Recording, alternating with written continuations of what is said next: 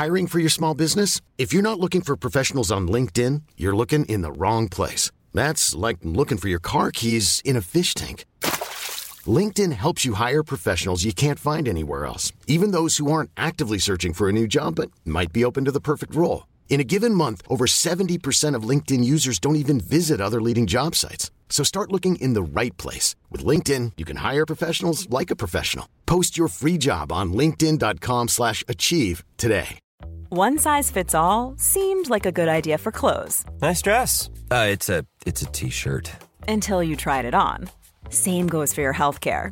That's why United Healthcare offers a variety of flexible, budget friendly coverage for medical, vision, dental, and more. So, whether you're between jobs, coming off a parent's plan, or even missed open enrollment, you can find the plan that fits you best. Find out more about United Healthcare coverage at uh1.com. That's uh1.com.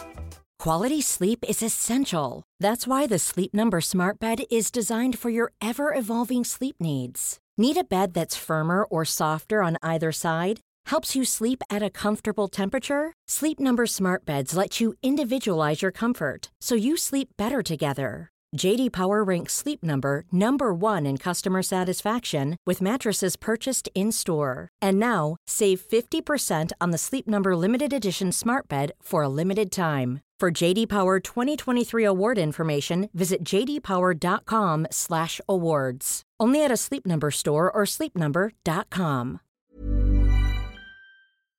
Vi är denna vecka sponsrade av Indie Beauty. Och Sofie, det här tycker jag är extra fint och extra roligt.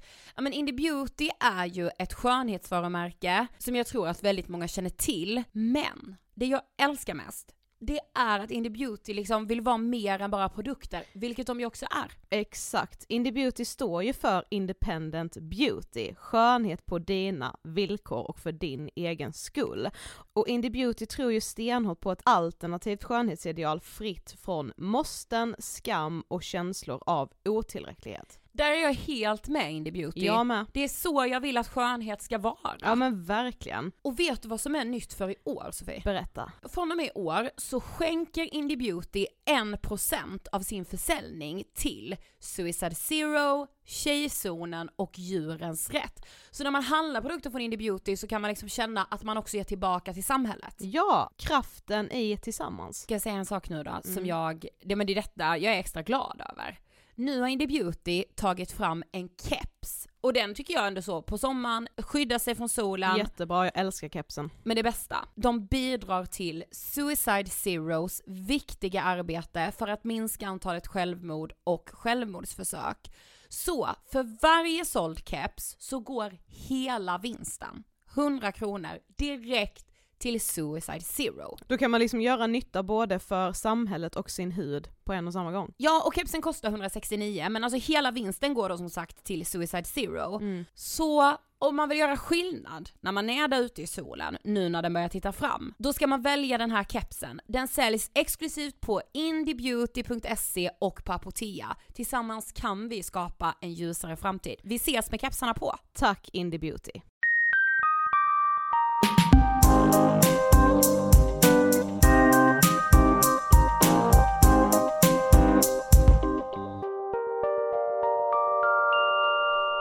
allihopa! Ni ska vara varmt välkomna till avsnitt 261 av Ångestpodden! Yes, det ska ni verkligen vara. Så hög energi från min sida. Den hög energiska, högtravande Ångestpodden. Okej, ja. Folk bara, okej. Absolut, varmt välkomna i alla fall. Verkligen varmt välkomna. Hur mår du? Att jag precis också skulle ställa, hur mår du? Eh, jag mår bra, det gör jag faktiskt. Jag är på en bra plats i min menscykel tror jag. Ah, Okej. alltså Ja. det är nog det. Jag har varit Eh, hos gynekologen idag. Ja, Gud vad det inte är kul bara. nej det är ju hemskt. ah, min gynekolog är så trevlig dock. Det spelar ingen roll. Nej jag vet. Alltså de kan vara hur bra som helst men det är fortfarande inte en bekväm eh, sits man Nej. sätter sig Och jag är så vill ta ansvar för allt liksom.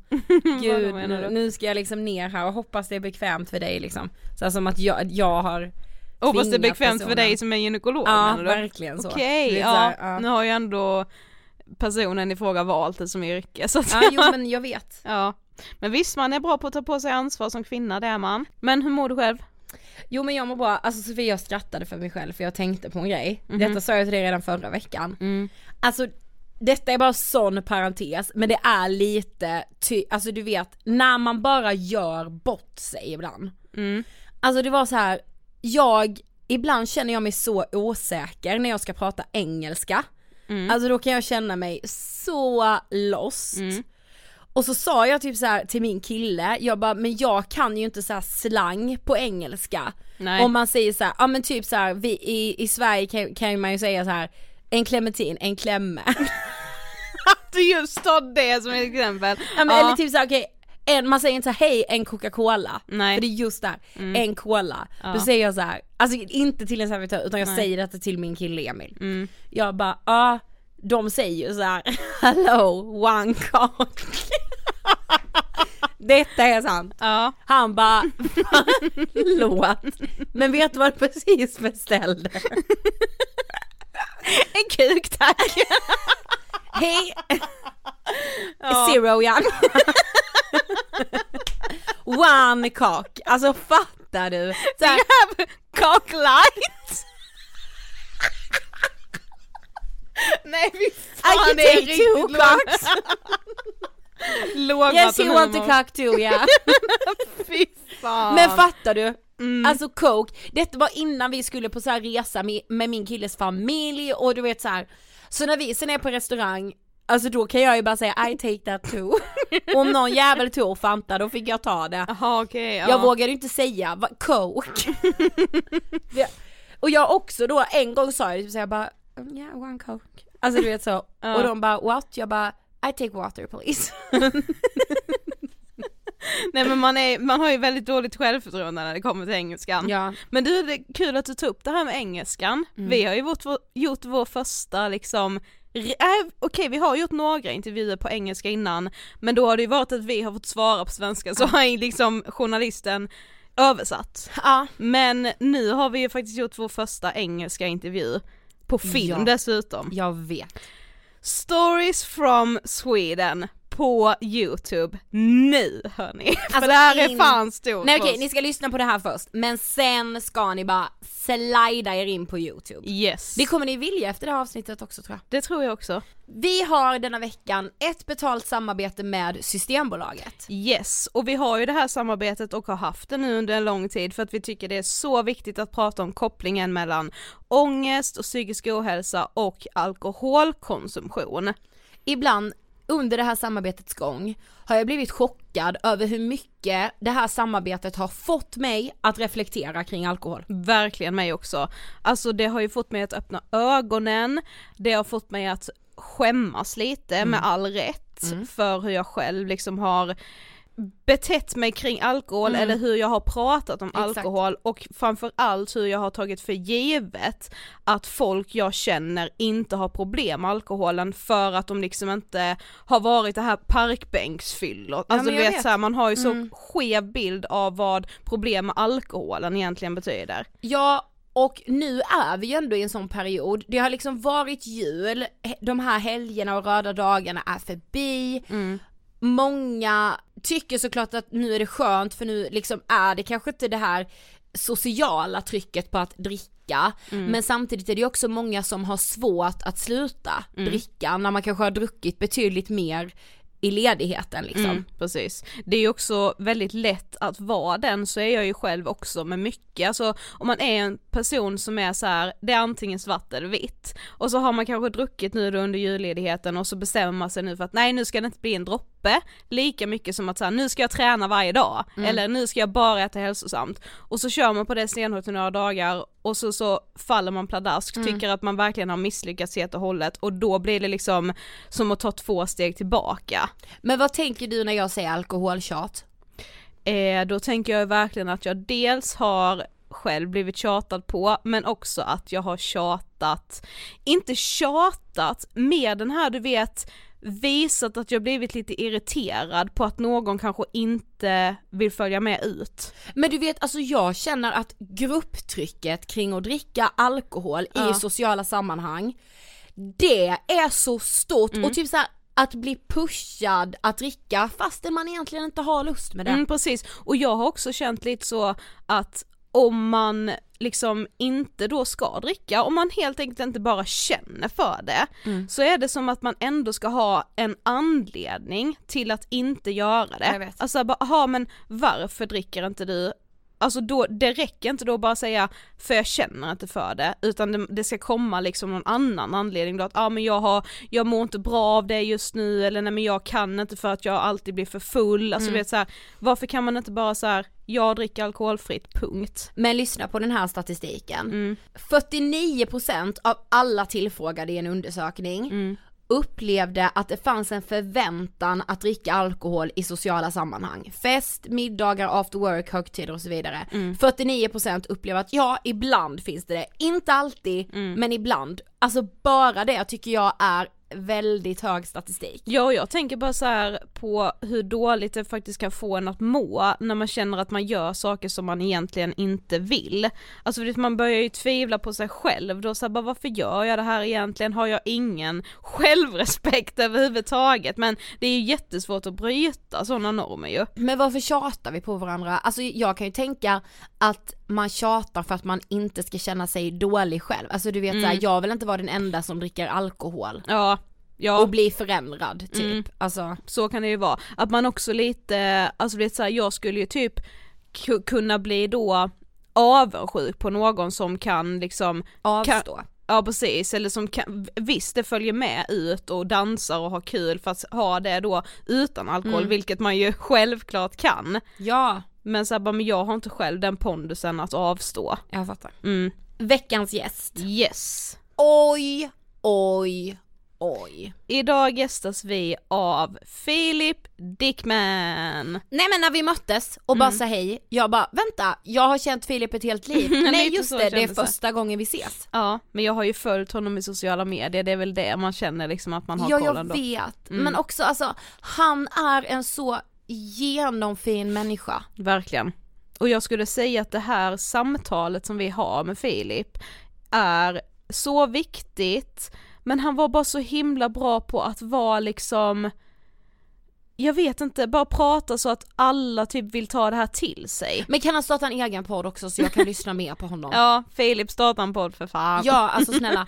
Men liksom när vi spelade in det här, du hade precis eh, det här med arga snickaren, Malou och Grecaso Yes. uppdagats. Mm. Det här eh, haveriet till intervju, eller vad det var. Intervju säger jag med Ja citationstecken. men verkligen. Ja. Eh, när de intervjuade den unga rapparen Grecaso och han fick liksom stå till svars för något helt, för ett helt samhälles, ja men hela samhällets sätt att prata, rappa, ta droger, alltså det är det sjukaste. Ja men så de, de la ju över skulden på honom och, Och bara menade att så här, han är en trendsättare Ja, som gör men- att så här, unga vill ta droger typ. Mm, nej men det var problematiskt i så, på så många sätt. Ja det var Men det jag tänkte bara att vi nämner det för vi kanske nämner det lite i intervjun. Mm, Eh, så att ni vet varför vi, vi gör det. yes. Eh, gud, den här intervjun är så viktig. Mm, verkligen. Så vi rullar den nu.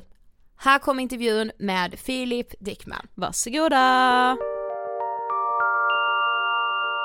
Hej Filip och varmt välkommen till Ångestpodden! Thank you! Det var på tiden! Ja, men faktiskt. Vi har snälla. snackat om det här ett långt tag nu. Ja, alltså och nu är du här. Tack så jättemycket. Ja men känns det bra att vara här? Jättebra. Ja. Jag, för du vet vad som känns bra? Mm. Att normalt, jag är jätterädd för att gå för djupt eller typ för Mm. analytiskt Det känns som att ni har koll, jag behöver inte förklara något för er Ja, nej men alltså, men du vet och här ska du ju bara känna så här trygghet. Nej men jag är trygg, Mm, men jag blir inte lätt otrygg, blir ni det? Nej det tror inte så länge vi har varandra typ. Ja ah, Alltså, det är sant. Mm. Vi är, Det är ganska trygga i vår roll som. Ångestpodden men jag är nog inte så trygg som bara Sofie liksom.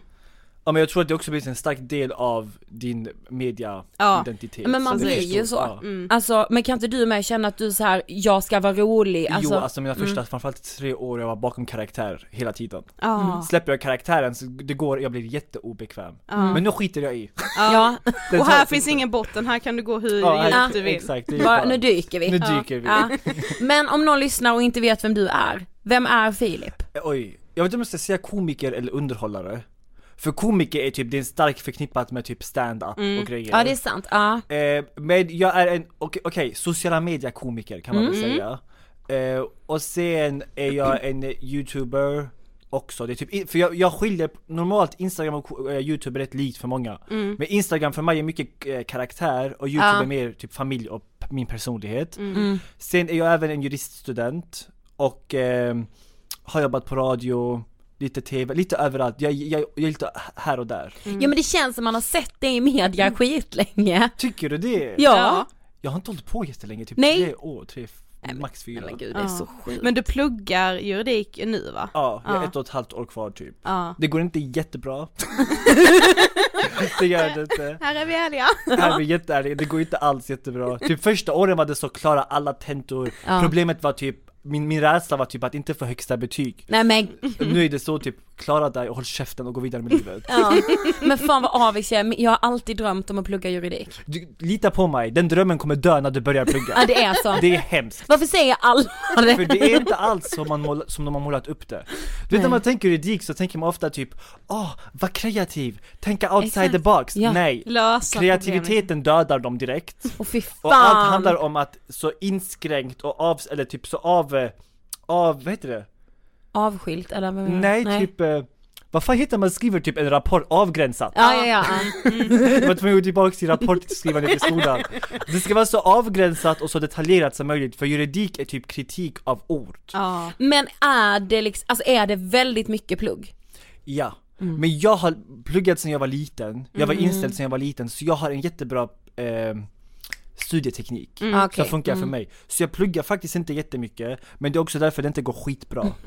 Så det är det korta svaret. Ja, Ja. här är vi nu. Ja. Men vad tänker du på när du hör ordet ångest? Vet du att jag inte lärde mig vad ångest var förrän typ ett år sedan? Är det Det sant? låter jättekonstigt. För när, folk beskrev ångest, jag har haft många i min nära som har haft det, de beskrev ofta panikångest. Och Ja. jag tror man måste vara väldigt noggrann med att skilja på panikångest och ångest. Gud ja. För de beskrev ofta den där typ trycket mot bröstet och typ, eh, man typ vet inte vad man ska ta sig till. Mm. Ångest däremot, jag började få ångest när jag var 12-13 Mm. eh, I och med att det var stora typ miljöförändringar, jag gick från typ en hel invandrarklass till en svensk klass, jag var ensam invandrare eh, Och jag upplevde rätt mycket då Men i och med att jag redan där tänkte typ, okej vad kan jag göra åt saken? Det var typ min, det första, sen Ja. gillade jag problemlösning, jag var sån som älskade att sitta 34 timmar på natten och överdriva problem Ja. för att lösa dem, det var jag, hej, här är jag. Eh, Så jag typ, jag hade ångest men jag lärde mig väldigt tidigt att förebygga. Och sen brukar jag ligga under de svåra perioderna brukar jag ligga två, tre timmar om nätterna och tänka. Och typ, mycket handlar om att förstå mig själv. För jag märkte att om jag förstår mig själv bra, då blir jag inte lika sårbar för andras kritik heller Nej, så sant. eh, Så jag börjar med att förstå mig själv och börjar med att förstå hur jag funkar Och då alla nya problem som kom upp, det var enkelt för mig att typ förebygga dem Ja jag fattar. Mm. Så jag, jag, får, jag, jag har aldrig känt att jag lid, lidit Nej. Mm. Det har varit svåra perioder, Ja. men det också typ i och med att det var problem och jag hittade lösningarna så tog lösningarna mig framåt. Ja. Ni förstår hur jag tänker Ja. där? Ja verkligen. verkligen. Eh, så man ska inte tacka ångest, utan jag tackar problemen för de har gett Ja. mig att, att typ bli bättre. Sen var det, det var många tuffa perioder.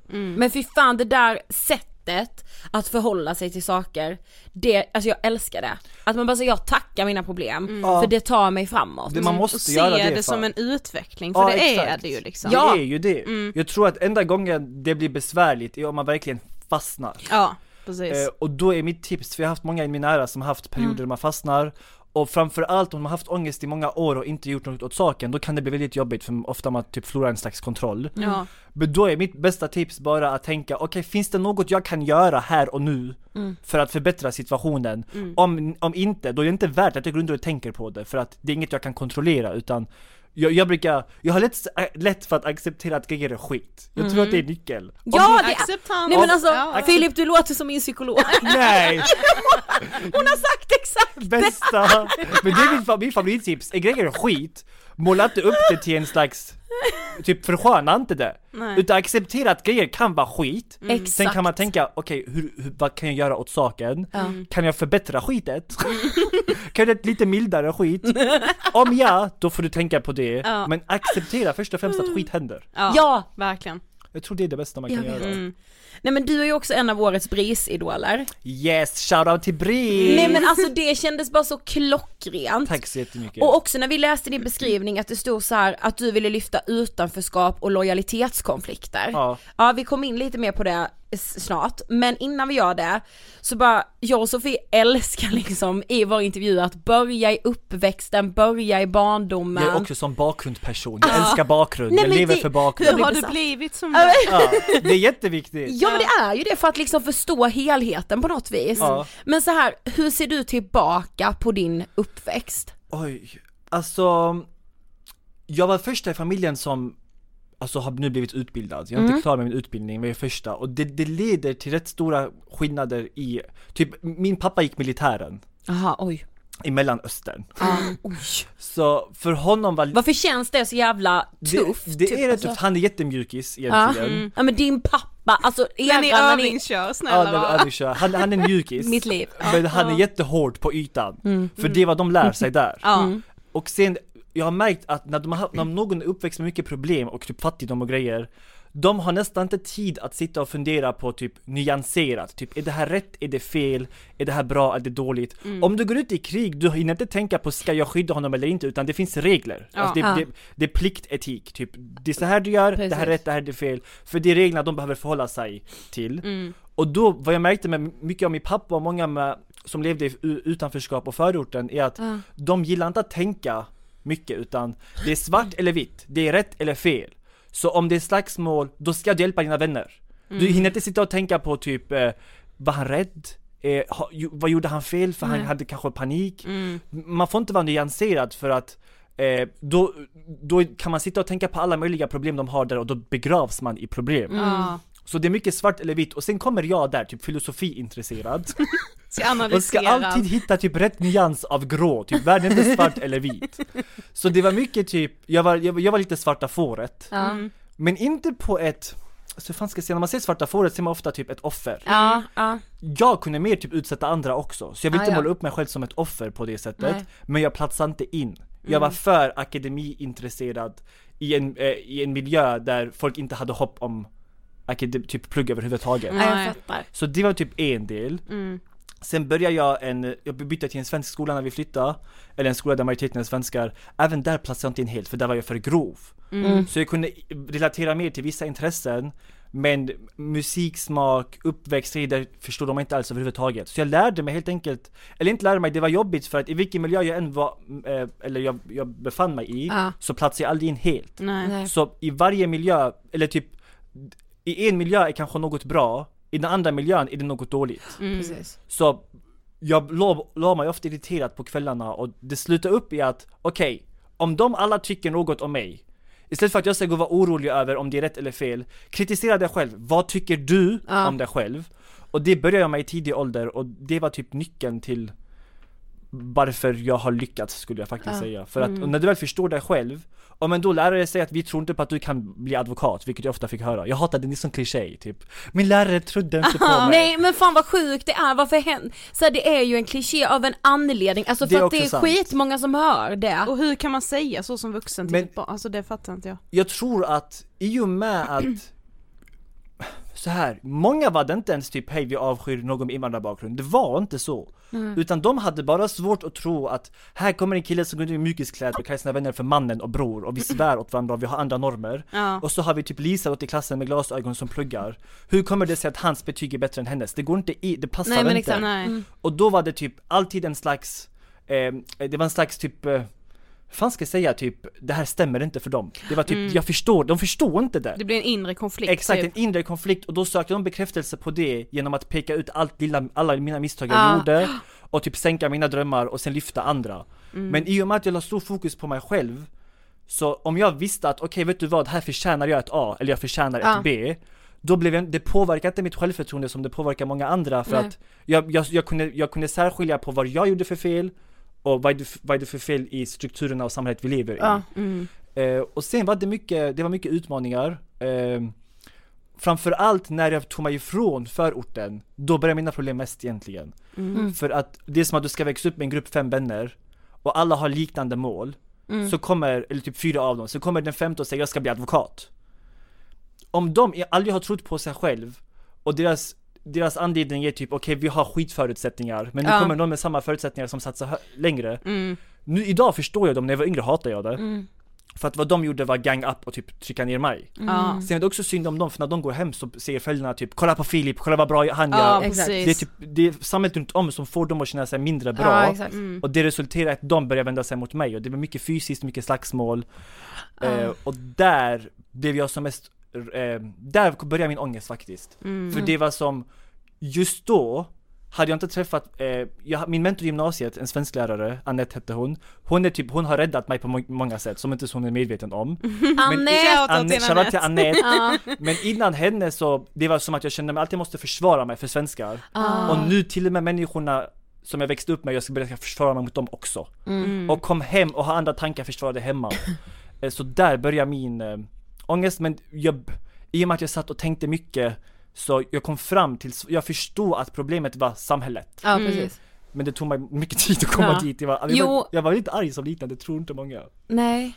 Jag var jättearg. Men jag fattar det. Ja det förstår jag liksom. också. Sen gömde jag det. För att om jag var arg, om jag exploderade i skolan, jag ville aldrig ge lärarna njutningen av att känna att jag bekräftar deras fördomar. Ja. Så det var, en Ah. typ, det var typ en slags inspo för mig. För att det var som att jag började jätteglad och oskyldig, Ja. och sen i och med att det var så svårt och jobbigt, och de var så fördomsfulla, så blev jag ju mer irriterad. Mm. Och då började jag typ, du har börjat bli som alla andra Filip, oj vad tragiskt, du börjar bli som de andra. Och fy Och, de då- andra då skulle Var vara... invandrare. Ja. Och då tänkte jag bara, vänta ni ska inte få nöjet att känna att jag bekräftar era fördomar, så då kom mina karaktärer. Jag gömde mig bakom karaktärer. Där började de. Oh my Wow. god, men fy fan och bara bära det inom sig. Ja. Ja, det var, det var ensamt. Ja, Jag minns att det här låter lite jättemobbat. Jag minns att vad jag saknade alltid var att ha en annan som växte upp eh, i samma miljö och med samma förutsättningar som satsar på skolan. För då hade jag någon, Ja, en person som kunde förstå. För annars var det alltid, typ när jag hängde med mina barndomsvänner, då var jag alltid tvungen att förminska mig själv. För att om jag pratar för, för mycket eller för självsäkert, då ville de ju sänka mig. Och det gjorde de genom allt de har lärt sig är slåss. Mm. Så då lärde jag mig en Suleiman-karaktär där jag förminskade mig själv och fick dem att känna sig överlägsna för då behövde de inte slå mig. Det var typ Nej. en teori, Ja, en taktik där. Ja. Jag hade en tjejkusin som gick i min klass som var väldigt förortsbrudig. ja. Eh, men hon kom undan med allt för hon var tjej och då fattade jag att rasism handlar inte om att de hatar oss. nej. Utan det är bara svårt för dem att tro att en kille eller typ, jag blev alltid betraktad som en potentiell gärningsman medan hon var mer typ en dum brud för dem. Mm. Så även fast hon gjorde mer skit så kom hon undan med det och då skapade jag en tjejkaraktär. Ja. För att i, i eh, genom att anamma ett mer feminint beteende, Mm. då var det inte som att åh han här är problematisk, det var typ åh en feminin blattekille, han är oskyldig. Ja. Så det började där, men det var inte på nivån som nu. nej. Alltså det var verkligen inte typ karaktär, karaktär, utan det var små grejer i min vardag och sen måste du komma hem och förklara för din familj varför du leker dum. Eller varför du börjar bli karaktärer och då måste jag försvara det också. Mm. Så det tog mig mycket tid men eh, jag kände inte att jag, jag led. Utan Nej. jag hade, och jag tror att jag tror att det är för att jag hade ett tydligt mål. Jag ska bli advokat för jag ska lära mig att försvara mig själv för att då kommer ingen kunna utsätta mig längre. Men vad var det som fick dig att ha ett så tydligt mål, alltså när man växer upp i en sån miljö där typ alla Ja. andra säger nu med citationstecken för det är ändå Ja. liksom generalisering, men där alla andra har inställningen att så här, det är ingen mening att vi ens försöker för det är liksom, alla har redan så mycket Ja. fördomar, man ger liksom upp, vad var det som Alltså gjorde jag hade att du syskon inte... och kusiner som var så och vänner. Men jag tror att i mitt fall, jag hade ett starkt intresse för skola. Ja. Det räddade Ja. mig. Det, jag har inte jättemånga. Nej, det, alltså Eh, det, det- känns väldigt så här unikt på något Mm. sätt. Mer eller mindre. Ja. Och det, det, har, det har till och med många i typ rikare områden också inte. Ja. Alltså det är typ Ja. det är vanligt. Jag, jag gillar kunskap. Mm.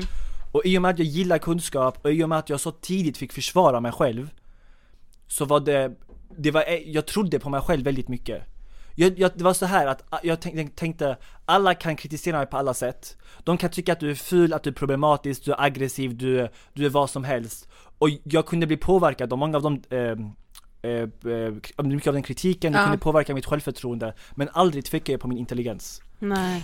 Aldrig. Och Det var din gjorde- styrka, Det var min liksom. styrka och Mm. i och med att det var min styrka så ville jag värna om den Mm. genom att kritisera mig själv mest. Mm. För om jag kritiserar mig själv först och jag eh, besvarar min egna kritik, blir min egna lärare, Mm. då var det enkelt att skilja på om lärarnas kritik var befogad eller obefogad.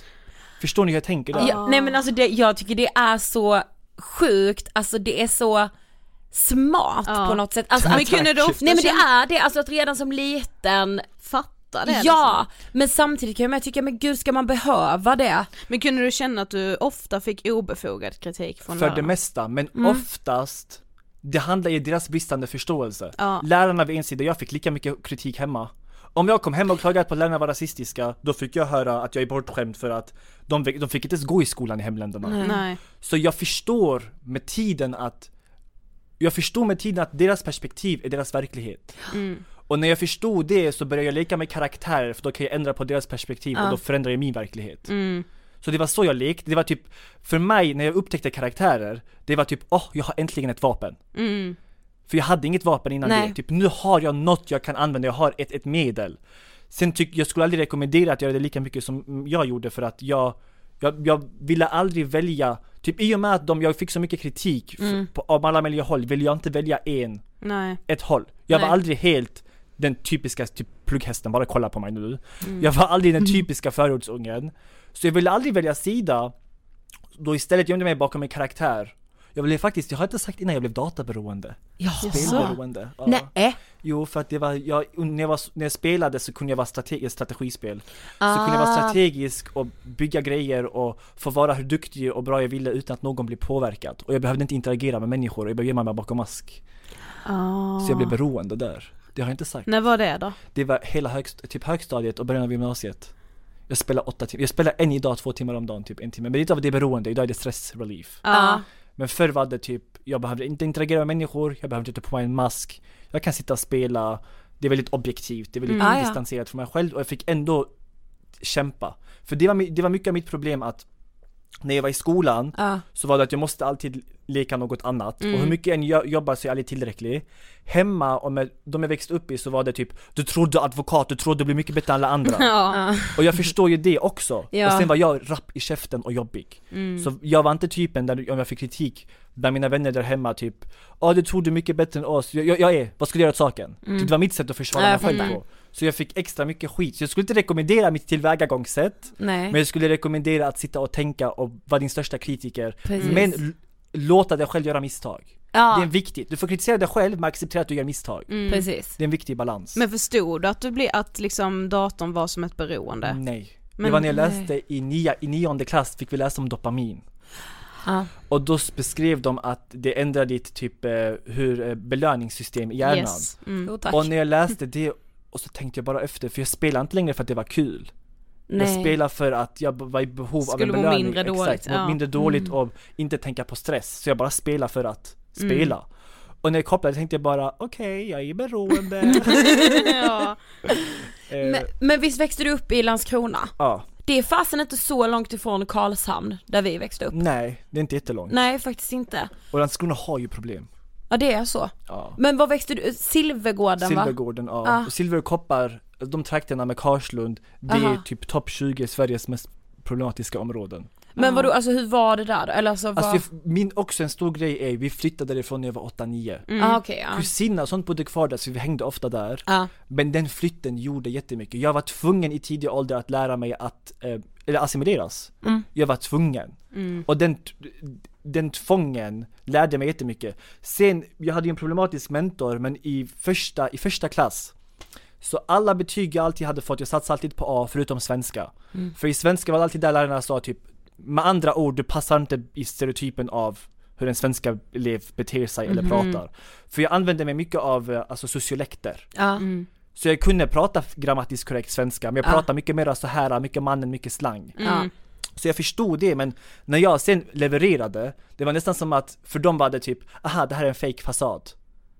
Förstår Ah. ni? Typ så om de, om de ger mig kritik och du följer kritiken så är det typ, men det här är fake, du är inte äkta, du det är inte äkta Ja. prestation. Eh, så hade jag henne och så sa hon att jag fick mitt B, och bland alla lärare, i första ring så gick jag ut med eh, halva A och halva B. Oj. Ja. Så hal, alla A-na, jag var jättestolt, B-na jag kritiserade allihopa förutom svenskan. När hon sa B så var jag helt så typ, ah, bra, jag, typ, typ jag satsar inte på mer än B, det är omöjligt. Mm. Så sa hon, men du kan få A, bara gör så här, så här, så här, och jag bara paff. Alltså Filip är aldrig paff. Lilla Filip är aldrig paff. Men där. Där jag var paff, jag bara, vad, vad menar du? Hon bara, nej alltså du behöver bara göra så här och så här och så här för att få A. Och jag bara kollar på henne och bara, men alltså tror du verkligen någon som mig kan få A i svenska, vad, vad menar du? du vet, så det var själv, det var inte typ Du är en blatte, du kan! Utan det var mer att hon, hon såg oss alla likadana. Ja, hon gjorde ingen skillnad alls. Nej. Var detta Anette? Nej. Anette jo. Ja. Det var Anette. Och då blev jag bara, hon var väldigt typ sträng och hård, alltid med glimten i ögat men hon var inte den där typ hej, glada Nej. utan hon var sträng och hård men hon bara Ja. typ klart, du bara jobbar på det här och jobbar på det här, jobbar på din meningsbyggnad, min meningsbyggnad var lite trash. Eh, ordförrådet var inte, det var inte, det var bra, men det var mer meningsbyggnaden och typ, eh, för hemma, om jag går typ nu pluggar juridik och kommer Ja. hem, jag kan inte använda mig av ordförrådet jag kämpar med i skolan för att hemma är det motsatt effekt, det motverkar Aha, ja. ändamålet med ett bra ordförråd för att det blir för komplicerat. Ja. Eh, så det var jag tvungen att jobba på och då i andra ring svenska var jättekul för mig för att då var det typ nu kan jag jobba och jag fick mitt A, jag var enda killen som fick A. Oh my god! Men det var även ett annat problem med eh, en tjej i klassen, Ja, nu förstår jag henne, hon hade mycket Ah. problem. okej. Och så är jag typen som hade gått igenom mycket skit så jag tog plats överallt. Ingen ska stoppa mig. Nej. Och då är det klart att någon som henne som haft mycket skit blir typ hotad av mig, det förstår jag idag. Mm. Men då krockar vi jag och hon. Och hon försökte göra det genom typ, is, typ utfrysning och isolering. Och det bara triggar mig ännu mer till att gå på henne. Så det var typ, vi hade en slags kamp och då tog jag upp det med Anette.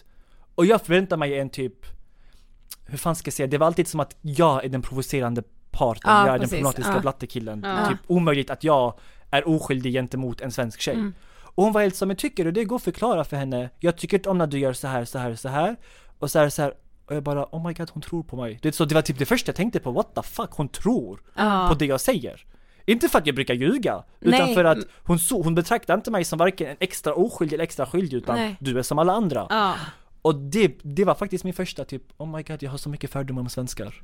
Ja. Hon, klick, hon fick mig att klicka typ, oh my god, och efter det släppte ju mina fördomar. Mm. Och då var det också så att i och med att mina fördomar släppte var jag också mer välkomnande för fler äldre svenskar. Ja. Och då lärde jag mig också ännu mer och då kunde vi lära oss av varandra och Ja, diskutera precis. fördomar med varandra. Mm. Men hon har jag mycket att tacka där för hon släpp- släppte min paranoia. Jag var inte paranoid längre med lärare. Men på vilket sätt hade du fördomar om svenska? Eller varifrån att kom de de? aldrig kan tro, de tror inte. Nej. Det är inte att de hatar, det är bara att de tror inte att någon som mig kan. Nu var jag också mindre slipad på den tiden, det Ja. var värt att att betona eller påpeka. Ja. Men eh, det var första gången de bara hade hopp. För i mitt fall lärde jag mig att okej, de kanske inte hatar oss, de bara de tror inte att vi kan. Nej, de, det är så mycket okunskap. Ja, liksom. exakt, Precis. okunskap. Men hon visade bara att Hiring for your small business? If you're not looking for professionals on LinkedIn, you're looking in the wrong place. That's like looking for your car keys in a fish tank. LinkedIn helps you hire professionals you can't find anywhere else, even those who aren't actively searching for a new job but might be open to the perfect role. In a given month, over 70% of LinkedIn users don't even visit other leading job sites. So start looking in the right place. With LinkedIn, you can hire professionals like a professional. Post your free job on linkedin.com slash achieve today. Life is full of what ifs. Some awesome, like what if AI could fold your laundry? And some, well, less awesome, like what if you have unexpected medical costs?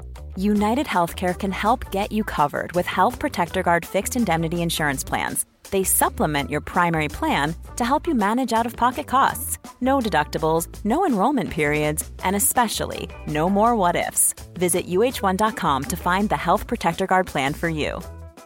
Hey, it's Ryan Reynolds, and I'm here with Keith, co star of my upcoming film, If, only in theaters, May 17th. Do you want to tell people the big news?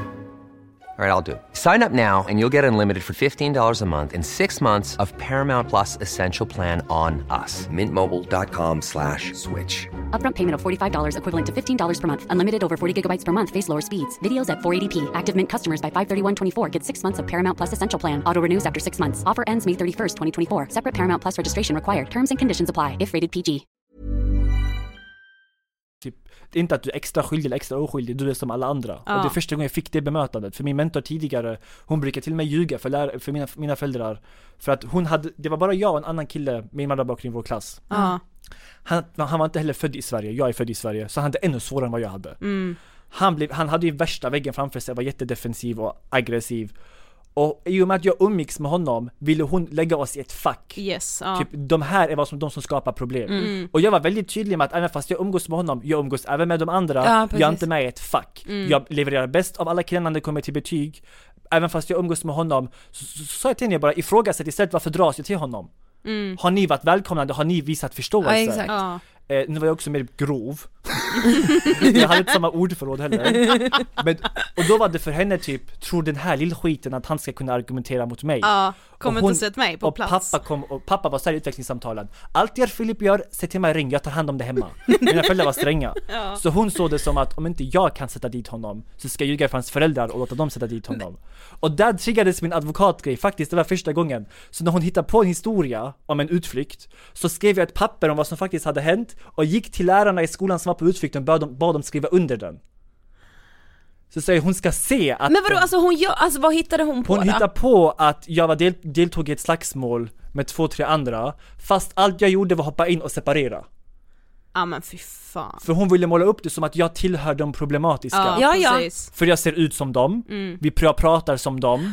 Så ännu en gång för henne var det, han här är fake. Han Mm. är som dem egentligen men ha- det var alltid det typ, du, du antingen har blivit som de andra eller typ, ah kolla Filip var alltid som de andra. Och det är ju så mycket psykologi bakom det, för Alltså- Ja! hon hade liksom en hypotes Exakt, om så hon dig. sökte bekräftelse på det. Precis, och så gör man, så funkar alla människor, Ja. att man letar liksom efter så här olika ledtrådar på Exakt. att ens hypotes Ja ska men man stämma. vill bara få bekräftelse på att ja, mina tankar Ja, man stämmer. kan- det är typ Alltså, bland det svåraste som finns, att erkänna att man har fel. Ja, Exakt. Men samtidigt så blir jag så här, fan vad våra liksom hjärnor är så jävla dumma. Tack! Det är vad jag accepterat den senaste tiden att Ja! det, är inte, det är inte typ fel på specifika människor eller typ Nej. den här, utan den här. Vi- Människan är bara dummare än man vill erkänna. Ja, Ja! Vi är är dumma, det. egoistiska, giriga och vi vill alltid tro att vi har rätt, så vi kommer söka bekräftelse på det. Ja, precis. Det är så. Så är det. Ja det är verkligen så, men, man, alltså, men när man liksom börjar prata om det, alltså man blir ju fan frustrerad Mm. över att så här, folk gör, alltså man går hellre över lik, alltså man gör vad som helst än att bara erkänna så här: okej jag hade fel. Ja.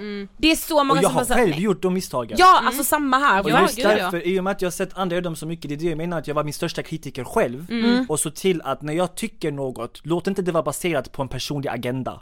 Nej. Utan låt mig vara objektiv. Har jag gjort fel? Erkänn att jag har gjort fel. Mm. Jag erkänner att jag inte var perfekt och jag var aggressiv.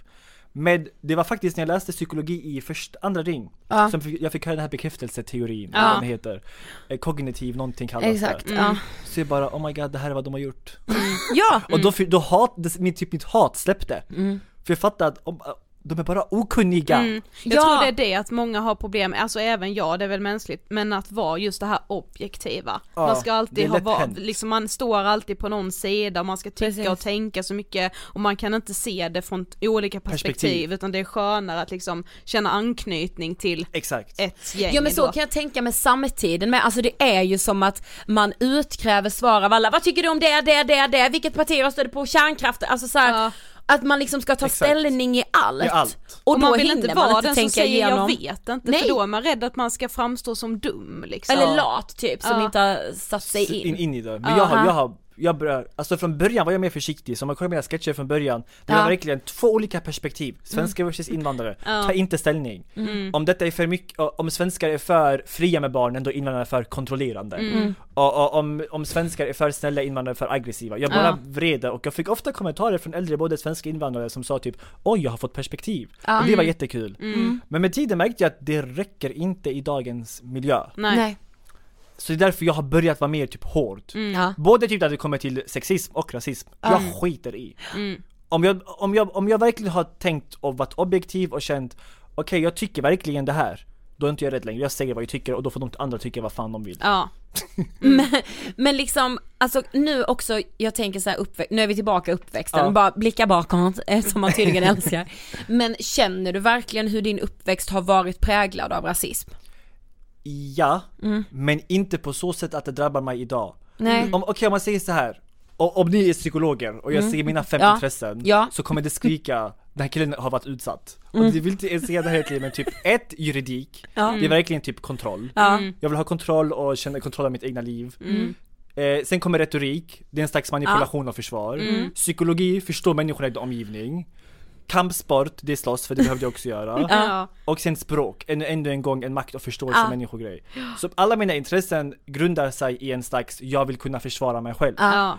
Och jag trodde alltid att destinationen, vilket är juridik, eller juristexamen, Mm. är typ om jag, om när jag når min destination, då har jag kunnat försvara mig själv eh, utan, alltså felfritt. Det var typ mitt mål. Ja, jag fattar. Det ironiska är att vägen dit har lärt mig att försvara mig själv. Ja. Ja, Så jag, precis. jag, det är det som tappar lite min motivation i juristprogrammet, att jag känner inte längre att jag behöver en examen för att försvara mig själv.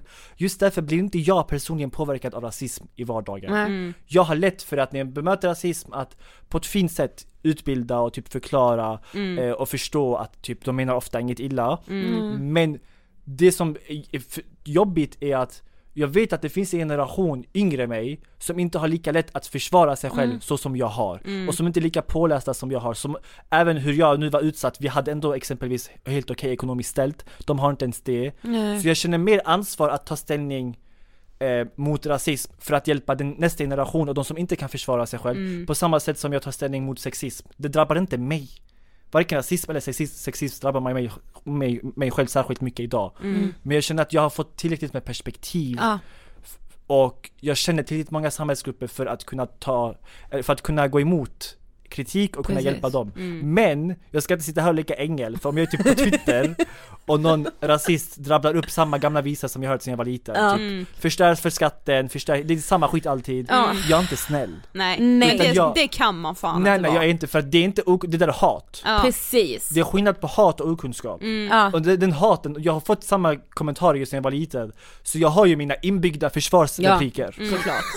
Och jag bara skjuter iväg varje dag Och det är kul att se för att deras, oftast börjar det i typ Invandrare är pest för samhället Ja. eh, och Invandrare in, hatar Sverige Och invandrare hit och in är otacksamma Ja. Och så säger jag helt ärligt, jag är stolt svensk, jag är född här, jag älskar Sverige Ni rasister kommer aldrig få mig att tycka något annorlunda Jag jobbar jättehårt, jag betalar mer skatt än majoriteten Ja den såg jag. du, du går emot allt Ja. och de blir nästan mer triggade. Du börjar få typ Sig Heil kommentarer och typ nazist för det är typ du är inte alls svensk! Vad va, du är inte alls svensk!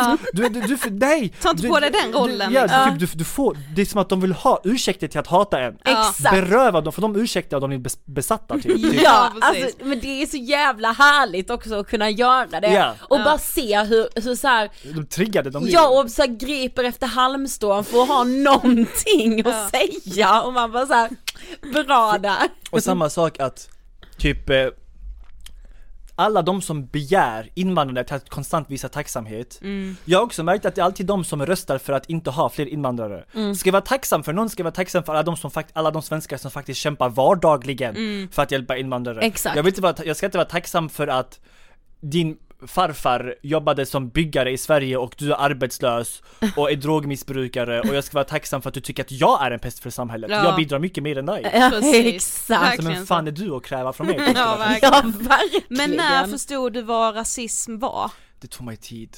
Det tog mig jättelång Jag började förstå rasism när jag jämförde hur jag blev behandlad jämfört med mina klasskamrater. Jag hade en äldre storebror som fick genomgå lite extra mycket. Och det var exempelvis en, ett fall där han blev påhoppad av tre, fyra stycken. För han hade lika för att anpassa sig och då är det att du blir ut, du sticker ut. Ja. Och det, du blir ett enkelt offer för ungdomar att hoppa på en, framför fjärde, femte klassare. Och då var jag, jag, han gick i sjätte, eh, sjätte klass, jag gick i fyran. Och då skrek någon i min klass typ din bror är slagsmål så jag hoppar in och försvarar honom. Ja. Det var, jag tänkte inte Så- ens, jag ja, bara in och försvara, Ja. det är allt. Och sen fick jag skit. För det var typ eh, Varför hoppar du in? Bla bla bla bla bla eh, eh, Skit, du har börjat bli som alla andra Jag vet inte exakt vad som hände med min storebror, de i deras klass Men i min klass fick jag jättemycket Ah, skit som att ja. jag var problematisk Och då tänkte jag bara, vet du vad? Det kanske var fel, jag kanske borde stoppat, jag kanske borde hit Och sen ser jag att när det är motsatt att det är typ två invandrare hoppar på en svensk kille och se hatet i lärarens ögon när de kollar på invandrarna och se typ, alltså verkligen typ föraktet Ja. Och det är bara, vänta något är fel här. Ja. Och sen tog det tid och sen såg jag hur de invandrarna som blev utsatta, när de så hoppade på en buss på kvällen, för att vi hade, det var en gång vi satt, vi hade typ onsdagsarbete där Ja. nio klasserna till sjätte klassen alla blandade. Och då var det äldre svenskar som satt med en gäng yngre, invandrare, så sa de typ Ha, majoriteten vill bli busschaufförer, bla bla bla bla bla, massa skit. Och de killarna då som blev påhoppade, inklusive mig, när jag såg sen att i en, de, blev, de kände ju verkligen Sverige hatar oss och svenskar hatar oss. Hoppar de då på en buss och det finns en stackars svensk pojke där som är oskyldig, då tar de ut sin irritation på honom. Ja. Det, det är en typisk strukturell motreaktion. Där fick jag hoppa in och stoppa. Men allt jag tänkte på är att se när han här växer upp så kommer han ha samma åsikter som mina lärare har om mig. Att Ja. invandrare är problematiska och att de kommer skydda svenskarna och uh, vara arga på oss för att allt de ser är deras barndom och deras upplevelser av hur problematiska invandrare är. Så jag såg tidigt strukturen, jag känner mig bara maktlös. Vad fuck Ja. ska jag göra?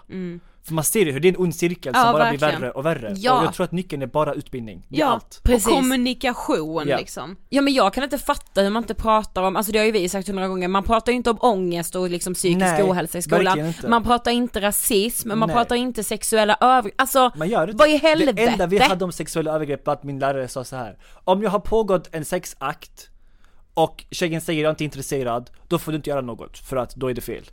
Det var den utbildningen ni fick.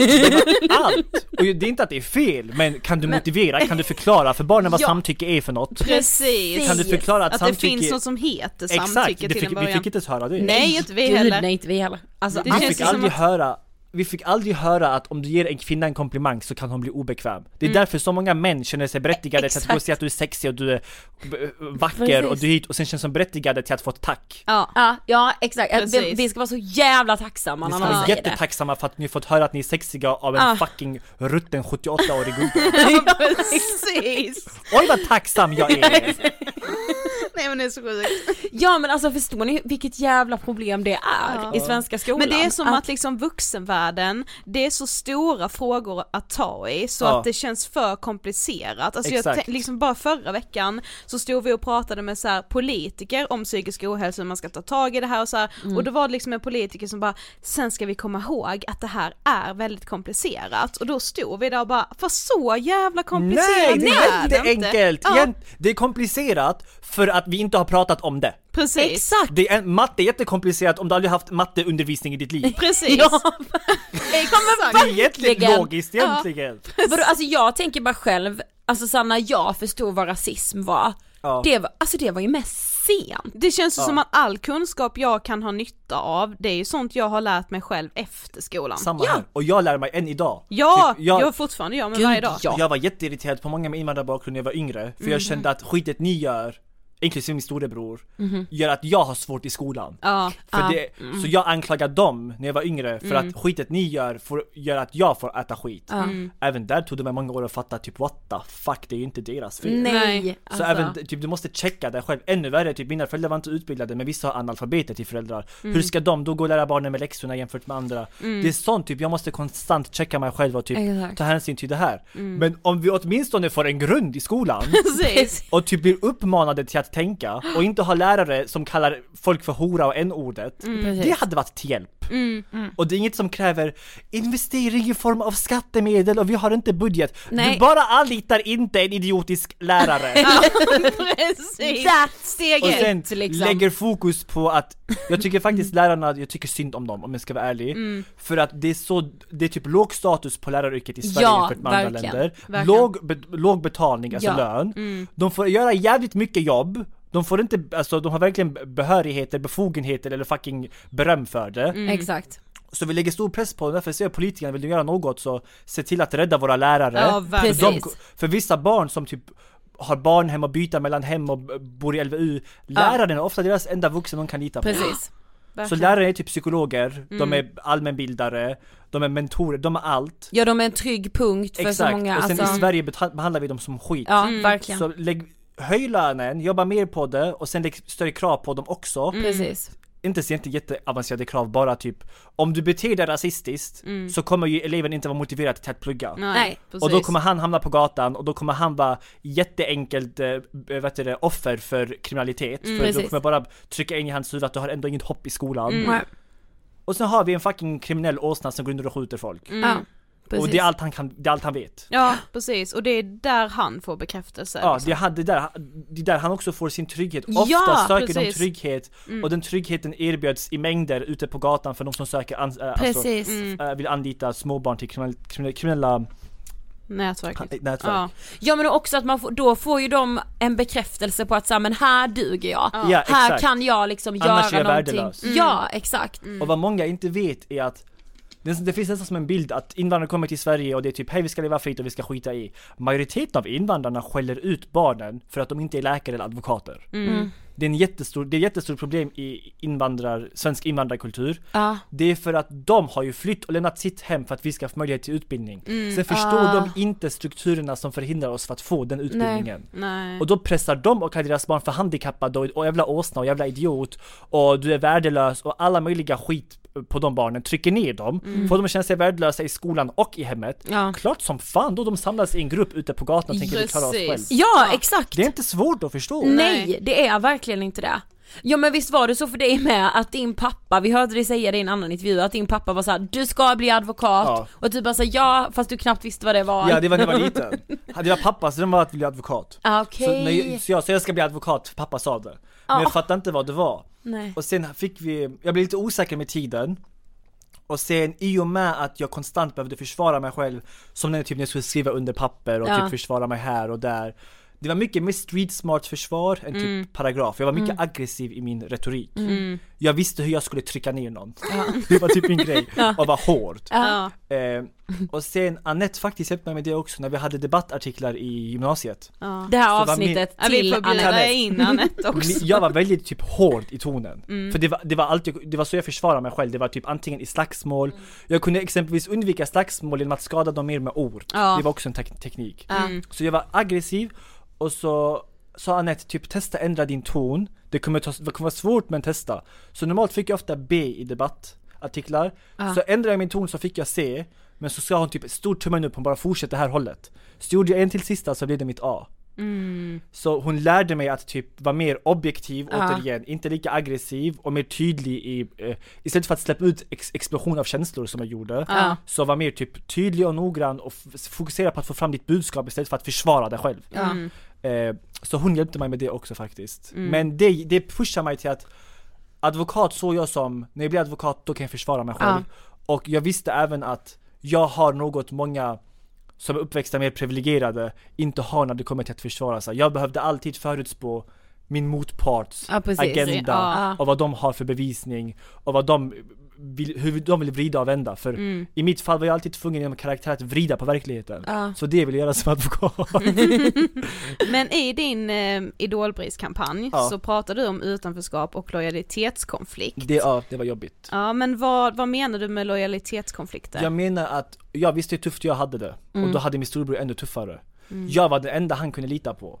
När jag då kom på att jag kan inte jag kan inte längre delta, jag kan inte exempelvis, i, på gatan lär du dig att du måste alltid försvara din heder För att annars kommer du bli utsatt, och man litar inte på polisen heller så om inte du försvarar dig själv kommer de hoppa på dig igen Så det var min mentalitet, så varje gång någon gick på mig så försvarade jag mig alltid och jag var alltid tvungen att hämnas och ge tillbaka.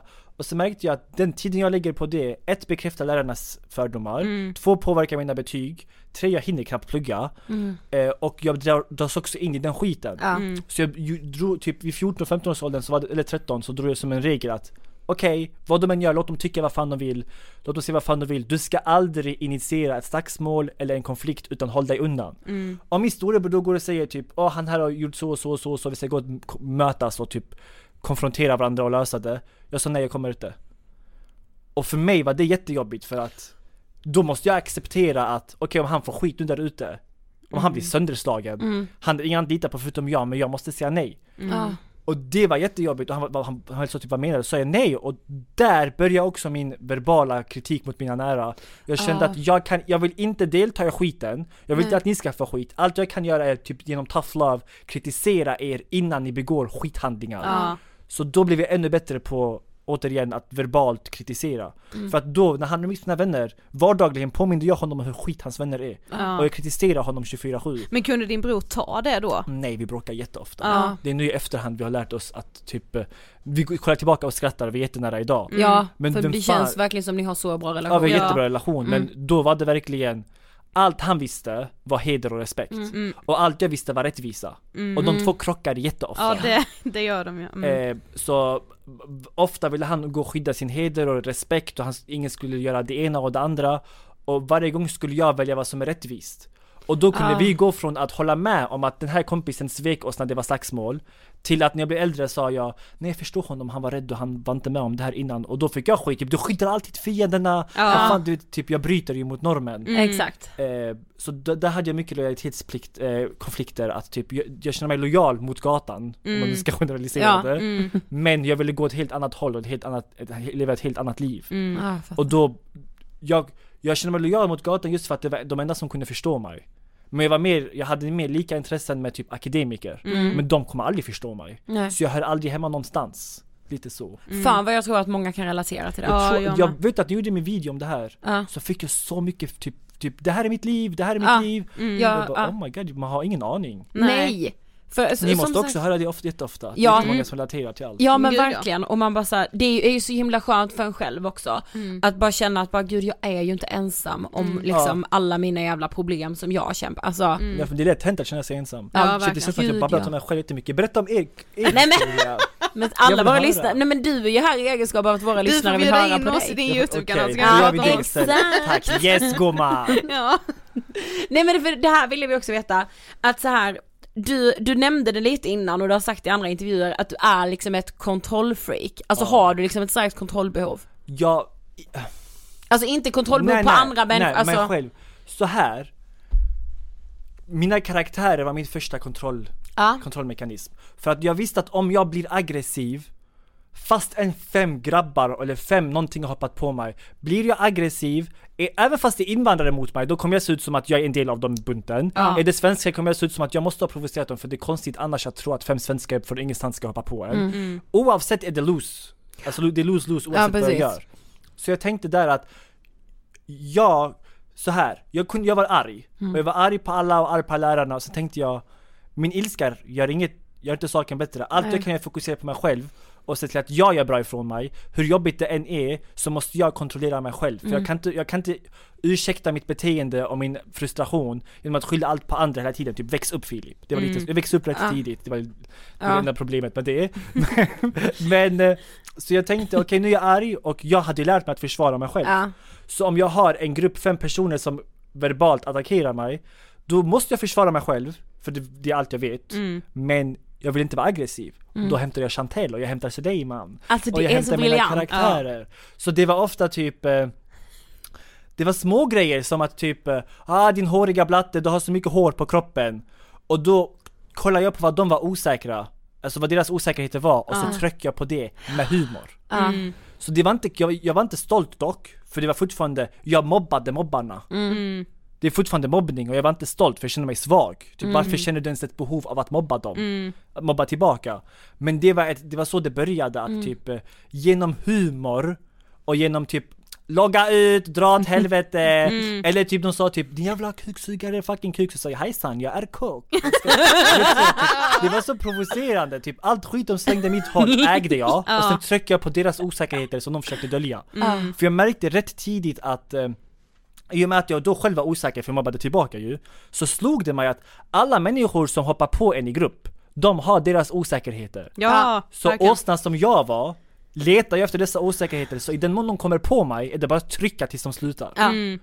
För jag ägde mina misstag, eller mina, mina brister. De ägde ju inte sina därför de hoppar på andra, det är en Exakt. slags projicering. Ja. Då satt jag bara tryck på dem och så lämnade de mig i fred. Ja, det, är så jä- det var så sjukt för att vi hade egentligen skrivit så här som näst sista fråga bara men har humorn varit som ett vapen för Ja, dig? Och så sa du 100%. det mycket, Ja. alltså tidigare. Ja, men liksom, Men oj, apropå kontroll då. Ja. Det var bara ett sätt att kontrollera och sen Ja. dess har det varit att bara hålla mig lugn och sansad och jag fick ofta höra typ att om jag ag- reagerar aggressivt fastän jag har rätt, det bekräftar rasistiska fördomar Mm. och hit dit, så jag kan kontrollera mig till 100% Till och med på ett sätt, eh, vid ett tillfälle hade jag en kniv mot min hals Vi behöver inte gå in på det för mycket Mm. Men även där hade jag mig kontrollera mig själv För reagerar jag nu kommer Men gud, det eskalera men Så jag stängde av rädsla, det är första gången jag gjorde det, det var som en knapp, så tryck, så var det av vadå så hade du hade en kniv mot din hals? Ja, jag hade en kniv mot min hals. Nu pratar jag med lättare ton, jag vill inte vara för djup. Ja. Men jag hade en kniv mot min hals.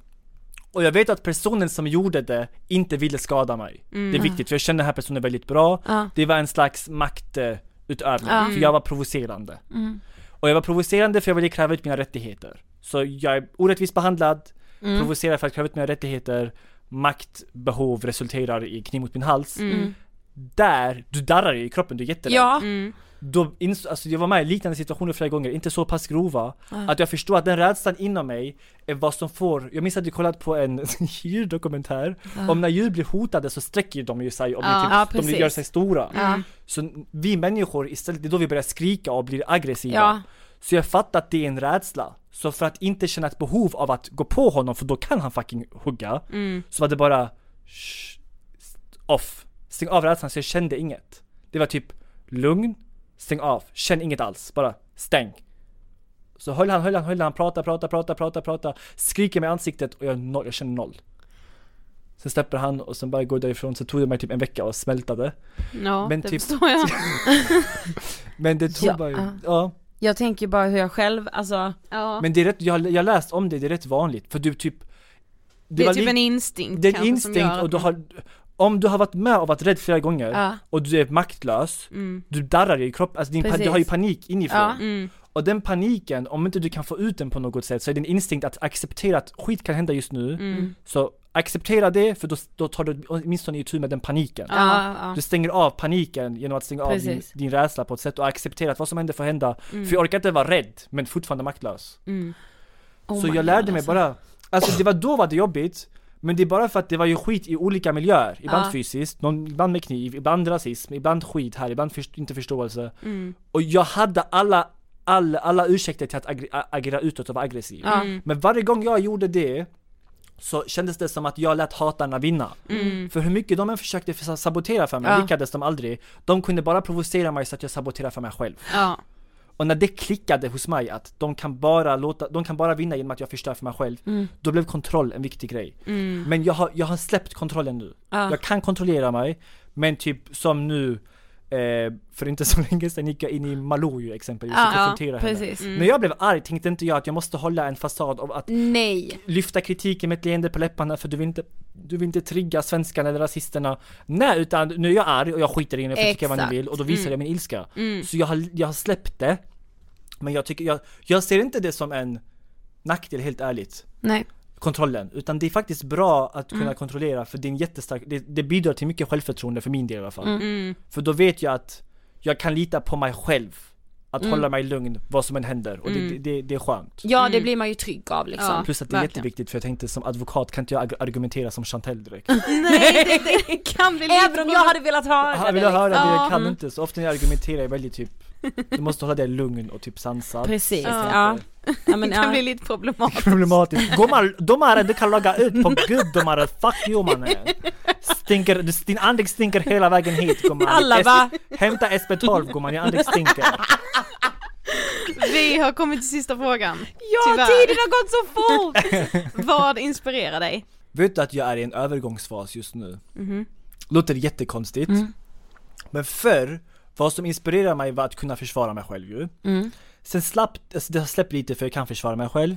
Och jag var lite mycket fattig som student från början så då var det lite ekonomisk oberoende var också en slags inspiration Mm. att jag vill åtminstone köpa min första lägenhet Mm. för att jag investerat mina pengar och jag behöver inte vara rädd. Mm. Nu när det målet börjar närma sig så fick jag lite så identitetskris. Typ Mm. what the fuck ska jag göra? Och ju mer jag mer tänker på det, typ jag har varit så orolig över min egna framtid att nu börjar jag typ när den, min framtid börjar säkras Mm. så känner jag mig jättes, jätte, det känns skönt för att jag kan börja spendera min energi och tid på att ta hand om andras. Ja. Ah. Så det är lite inspiration just nu, typ välgörenhet. Ah. Mm. Men inte, jag vill inte göra välgörenhet i typiskt typ, du har gått från komiker till att du ska bli jätteseriös välgörenhetsarbetare. Nej. Det är inte vad jag vill göra, utan genom komedi, genom intressanta, roliga klipp, hjälpa och ge tillbaka. Mm. Eh, exempelvis ofta finns det, nu kanske jag inte borde avslöja det här, men jag tänker det gör inget. Många typ företag kontaktar oss med typ ekonomiappar, jättemånga appar och kort och det ena och det andra. Mm. Och jag har gjort en sån innan, sen slog det mig att när jag kollar på andra mina vänner som gör typ åker till Dubai och spenderar pengar på det. Ja, Jag förstår ju det, de tänker content och de tänker intressant. precis. Sen slog det mig typ, oh my god, tänk att göra ett samarbete med ett sånt företag, men istället för att få pengar, pitcha in till dem att om ni dubblar summan så tar jag inte en krona utan allt går till att vi typ hjälper folk i utsatta områden. Ja. Oh my god. jag, alltid, jag älskar program när jag var liten, vet när man gick och hjälpte andra. Ja. Och jag tänkte företagen får ju goodwill och företagen, det gynnar ju deras varumärke. Exakt. De får reklam från mina sociala medier. Ja. Men man går och typ man köper ett paket med typ en Playstation, en TV, typ mat.se-kort, fan vet jag. Ja. Och jag lägger inte en krona på det. Men istället för att ta de pengarna för marknadsföringen, låta företaget få reklam, de Ja. älskar reklam såklart, och sen bara ger man tillbaks till dem. Och så, jag, jag, jag är inte orolig över min framtid längre. Jag kan gå och göra andra samarbeten där jag kan mjölka företag på pengar. Ja. Typ det här är inget jag behöver göra. Nej men exakt. Men om det här gynnar företagen och det gynnar de utsatta och följarna får se att man kan faktiskt hjälpa andra och vara kreativ på det Precis. sättet. Det är typ win-win-win-win. Ja, Ja. överallt. Är Alltså jag älskar det. Ja. Nej men du är så grym. Minns ni de programmen när ni var små som gick på TV? Gud, typ? Ni minns när ja. man typ tog en typ uteliggare och gav dem en Ja. makeover och Ja, grejer och ja. gav dem, Det var, jag älskar de Jag programmen. med. Alltså, men gud sådana program görs inte alls. Nej, Nej, vi behöver komma tillbaka längre. dit. Eller Ja. typ extreme home makeover ah. De- Jag älskar det, Move allt that that bus. typ jag tänkte hur fan kan man på ett lite enklare och mer lättsamt sätt göra något liknande? Jag Och alla skrek move that bus. Vi- han Jag, jag, jag brukar alltid sitta så lite så framför soffan typ Jag ja! vet, alltså men det var ju gåshud Varje varje gång. gång. så mycket. Och de grät, och liksom såhär, någon bara såhär, hade typ sagt i förbifarten bara, men jag gillar fiskar, då fick de typ Typ, bo de, i ett okej, akvarium. typ, jag tänkte alltid överdriv inte, typ jag gillar fiskar, din, din säng ska vara ett akvarium, dina väggar ska vara akvarium, du ska ha fisktavla och fiskmat på matbordet, typ lugna ner er. Exakt, det var såhär man bara okej. Okej, chilla. Tack så Men- jättemycket Filip. Tack själv, det var jättekul, Nej jag men det här att jag var babblat otroligt. jättemycket. Ja men det vi älskar man ju. Okej, bra. Tack. Tack så mycket, hej. Yes, ett samtal tror jag som är så aktuellt hela tiden Ja. och, Och- som ju uppenbarligen behöver liksom målas upp mer ofta än vad man kanske tänker sig för att det inträffar sådana situationer som till exempel då hos Malou efter tio. I slutet på förra året så var ju Filip också en av BRIS-idolerna. Och jag vill verkligen tipsa om den videon han gjorde då. Ja. Den heter Vad hände med barnen? Storytime. Mm. Och man kan ju också läsa mer om hela BRIS-kampanjen och Philips tema på bris.se. Otroligt. Stort tack Filip för att du vill gästa Ångestpodden, du är varmt välkommen tillbaka Ja. någon gång. Eh, tack också för att ni lyssnar på den här podden. Eh, ett extra to- stort tack till er som redan har köpt biljetter till Oh vår scenshow Ångestpodden en kväll på Skala, i Lund eller i Göteborg. Nej men förstår ni att vi också kommer till Lund och Göteborg? Jag gör det knappt. Nej jag, jag fattar ingenting. Alltså jag helt plötsligt kommer jag befinna mig i Göteborg och inte fatta vad jag ska Bara göra där. stå där och bara Ja. hallå alla! Gud ja, jag kommer vara i chock. Ja fast nej så ostrukturerat kommer det faktiskt inte vara. Det här är ta mig fan det mest satsiga, vågade, men mest planerade vi någonsin har gjort. Nej men det här är en stor satsning för oss, det här är en investering Det är i, det. i Ångestpodden. Och jag blir ledsen om ni inte vill komma. Men jag blir också överlycklig om ni vill komma. ja men då är jag ju så lycklig. Man får lön imorgon Sofie. Yes. Då surfar man in på eventim.se och där köper man sin biljett till Ångestpodden. Det är bara att söka på Ångestpodden i sökrutan som Ja. kommer upp nu. Du går in på eventim.se. Så ser du vad det passar dig bäst. Lund, Göteborg eller Stockholm. Yes, hoppas vi ses där. Tack så mycket för att ni har lyssnat. Vi hörs som vanligt nästa vecka. Hej då! Hej då!